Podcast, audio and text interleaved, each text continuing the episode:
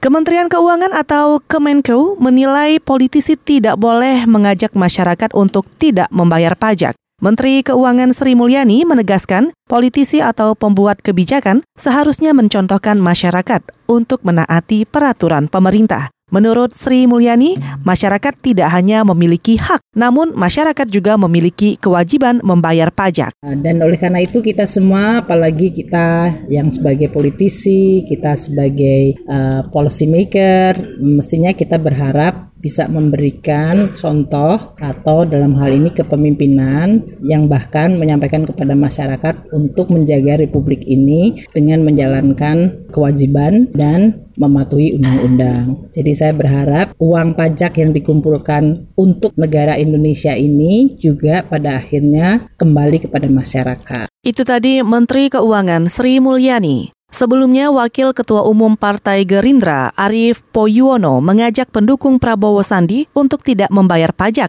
jika pasangan Jokowi Ma'ruf menjadi presiden dan wakilnya. Ajakan ini mendapat pertentangan, di antaranya dari Ditjen Pajak.